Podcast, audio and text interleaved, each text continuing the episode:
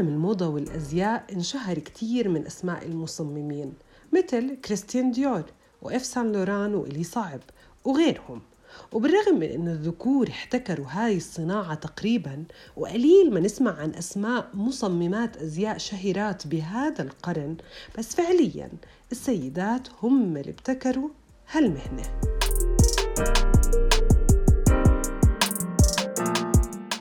وقبل ما نبدأ بقصتها القصيرة بدي أحكي أكثر عن سيدات كان إلهم بصمة بهذا المجال. روز المصممة الشخصية لماري أنطوانيت في القرن الثامن عشر.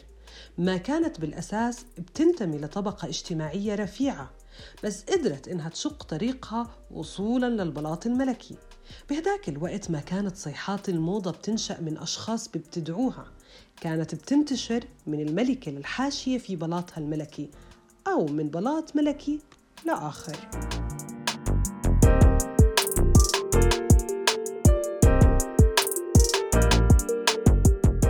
فيفيان ويستوود اعتبرت الموضة وسيلة للتعبير والأزياء مثل أي شكل آخر من أشكال الفن بتقدر تستخدمها لتوصل صوتك. هالمصممة تعتبر من رواد الموضة الأخلاقية. كان شعارها توفير إعادة التدوير والتأمل.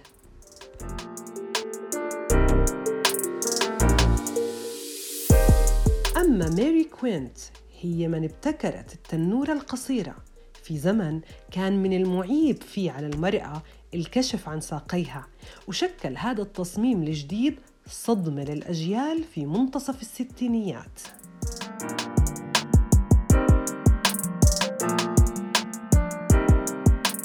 كوكو شانيل اللي طلعت فترة العشرينيات من القرن الماضي. هاي الفترة كانت فترة تجديد أثبتت خلالها المرأة إنها قادرة على الاستقلال ويمكن الاعتماد عليها بعد أن خرجت للعمل خلال الحرب. هيك ومع بدء النساء قيادة السيارات والخروج لحالهم قدمت كوكو ثيابا تناسب أسلوب حياتهم الجديد الأكثر تحرراً.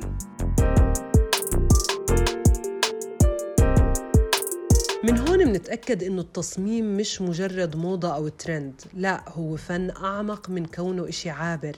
لهيك اليوم حبيت أحكي مع بتول. صبية عمرها 21 سنة من محافظة بعيدة عن العاصمة. بلشت مشروعها الجديد في الأزياء من خطوط الموضة اللي بتعرفها والخياطين في منطقتها. بلشت طبعا أخطط إيش بدي أعمل. صار عندي حماس كان هذا الإشي في بداية 2020 آه طبعا أجوا المواد من هون مواد الخام من هون صارت فترة الإغلاقات بسبب فيروس كورونا. صار في شوية إحباط إنه أنا بش إيش بدي أعمل؟ الدنيا كلها سكرت. ما فيش يعني إنه الح... ما ممنوع إنه حدا يطلع أو يشتغل أو يعمل إلا بساعات محددة. حظر شامل. خطرت لي فكرة إنه أنا ليش إنه بدل ما أروح أماكن بعيدة وأتنقل لأ باخد في نفس البيئة أنا بدي أفيد الخياطين اللي عندي في نفس البيئة المحلية اللي كنت أنا فيها هي منطقة القصر والربة وافقوا. طبعا صرت أنا أدور أخذ قائمة بأسماء أجمع الخياطين اللي عنا أخذ فيدباك من كل حدا إنه وين أشطر وين أشطر حدا كيف شغله. صرت أنا أزورهم مثلا أروح أزورهم أشوف شغلهم أعمل حالي إنه أنا بدي أصمم إشي عندهم أو أشتغل إشي. فعليا لقيت سيدة هي وبنتها ورجل عراقي هو عائلته فاعتمدتهم اثنين. بس أنا صرت أقسم الشغل عند حدا بعمل شغل من من فساتين ودرسات وغيرها والأشياء الطويلة وحدا بيعمل لي الأطقم الرسمية والبليزرات وهاي الأشياء. بلشت حددت التصاميم معهم كل حدا أعطته قائمة التصاميم حطينا قائمة أسعار بلشنا نشتغل شوي شوي. فعليا بلشت أنا أونلاين عملت بيج على الفيسبوك صار شوي شوي يرتفع عندي المتابعين. الناس تهتم بس تشوف التصاميم اللي كنت أعملها وتشوف إنه إيش بتعمل. إنه زي صدمة إنه أنتي بتول كيف تعملي هذا الإشي.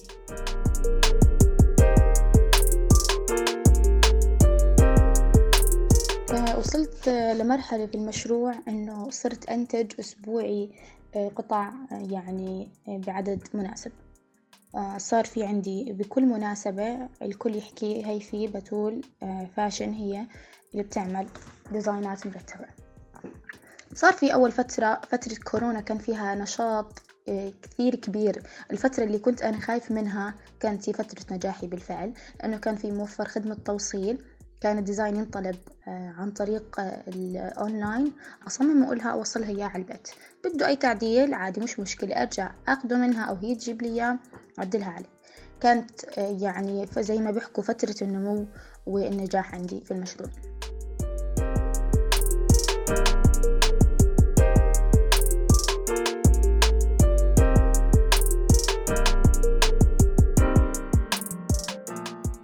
بس قبل المشروع بتول عاشت حياتها في أسرة محافظة. كانت حريصة إنه تكون نشأتها على قيم محددة. بس بنفس الوقت كانت عيلة بتقدر القراءة وبتحب الأحلام. كانوا طبعا أهلي بيعلموني المعتقدات والتقاليد اللي لازم نتربى عليها ونترسخ عليها من البداية. ودايما أمي كانت حالمة وربتنا على هذا الإشي. والدي كمان بالذات بحب القراءة والمطالعة والكتابة فربانا على هذا الإشي إنه كل واحد يشق طريقه ويسعى وراء حلمه. أذكر أنا صغيرة كان عندي حلم وهدف دايما. أفكر إنه أنا لازم أوصل شو ما كان هدفي شو ما كان حلمي شو ما كان خيالي أو آه، اللي بدي أوصل له دايما آه، إنه أنا لازم أكون التوب دايما إنه أكون أنا آه، نجمة المكان أو المميزة في المكان دايما أكون أنا إنه أنا غير غير عن الكل بتفكيري بالتفكير بالاختلاف الإيجابي بالتأثير طبعا دايما أنا كنت مؤثرة على الكل. على الكبير والصغير. دايما أحسهم يسمعوا مني ينجذبوا إلي إنه من ناحية الحكي وطريقة التعامل والأسلوب آه، والفكر وطرح المعلومات.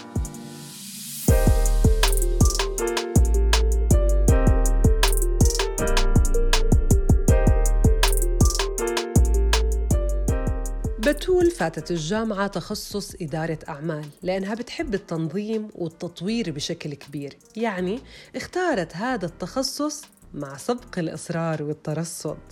كمان إنه تخصص إدارة الأعمال بيعمل على تطوير الذات خصوصا إذا كانت أنت شخصيتك قيادية وإدارية وبتحب آه، الإنشاء وبتحب التنظيم وبتحب إنك تعمل إشي وتطور منه آه، طبعا هذا كثير بيساعد وبيطور معتقداتك وتفكيرك. وانت شو بتطمح له آه، فأنا من سنة أولى تقريبا صرت أفكر إنه أنا على التخصص هذا وبالوقت لشخصيتي بدي أعمل إشي. مستحيل يعني أنا أضل أستنى آه، ثلاث سنين ونص وما أعمل إشي.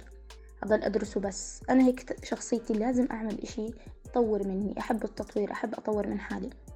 ما أحب أضل أنا بتول اللي هي البنت اللي بتدرس ولساتها طالبة.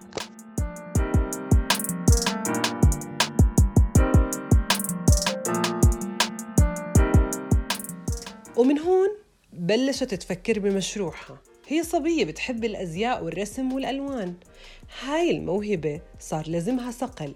لتتعلم الخياطة وتعرف أكثر عن المواد الخام وأسرار هالحرفة. فعلا بلشت تتدرب وفاتت مسابقات محلية لتطوير مشروعها لقدرت تعمل مشروع تصميم الأزياء الخاص فيها. ولكن واجهتها كثير من التحديات. الفترة اللي ما بعد الانغلاقات كان في الوضع المادي جدا سيء وصعب خصوصا في المجتمع الأردني. آه، طبعا والبيئة المحلية اللي أنا كنت فيها. فبطل في طلبات بطلت الناس تنجذب للمنازل. صارت الناس تخبي المصاري اللي معها ما بتعرف شو بده يصير معها خصوصا في هذا الفيروس والوباء. صرت بعدين أشتغل على آلية تانية إنه أي حدا عنده قطعة وبده يعدل عليها عنده مناسبة بده يعدل عليها بعدل عليها وبسعر بسيط. فعليا نجحت هاي الفكرة إنه مثلا حدا عنده فستان أو دريس أو بليزر بدها تعمل عليه أشياء تغير من شكله إيه، أو تطور من هاي القطعة وتعملها إشي تاني. إيه، فعليا نجح هذا الإشي كثير آه، معي. يعني سدت الفجوة اللي صارت ما بعد إنه إيه، ما بعد الانغلاق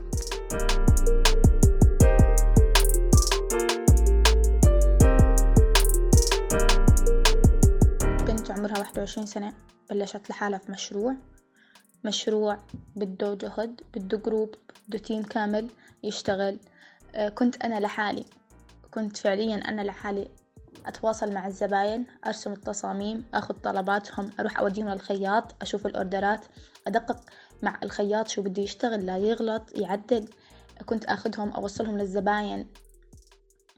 يعني كان في معاناة كان في يعني جهد كان في كفاح في هذا الموضوع. وما كان في يعني ما كان الربح يعني إنه إيه إنه هداك الإشي. بس كنت أشوفه يعني جدا جدا كنت أفرح في المردود المالي. مع إنه كان بسيط بس كنت جدا أفرح إنه يجيني من بعد جهد وعناء وتعب.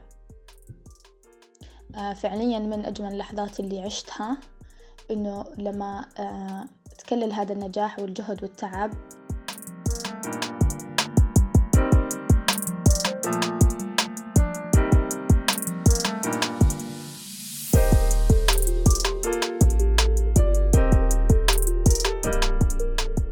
رغم المشروع البسيط والعمر الصغير بس دايما الطموح بيكون أكبر.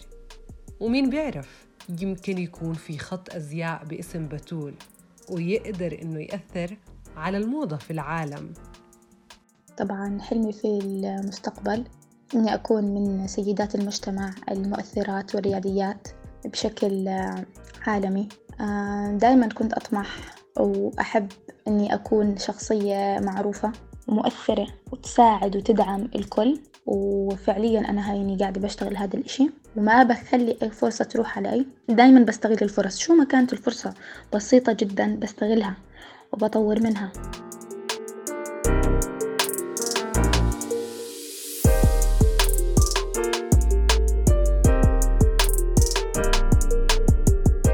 دائما عندي رؤية أن المرأة هي أساس كل شيء ناجح.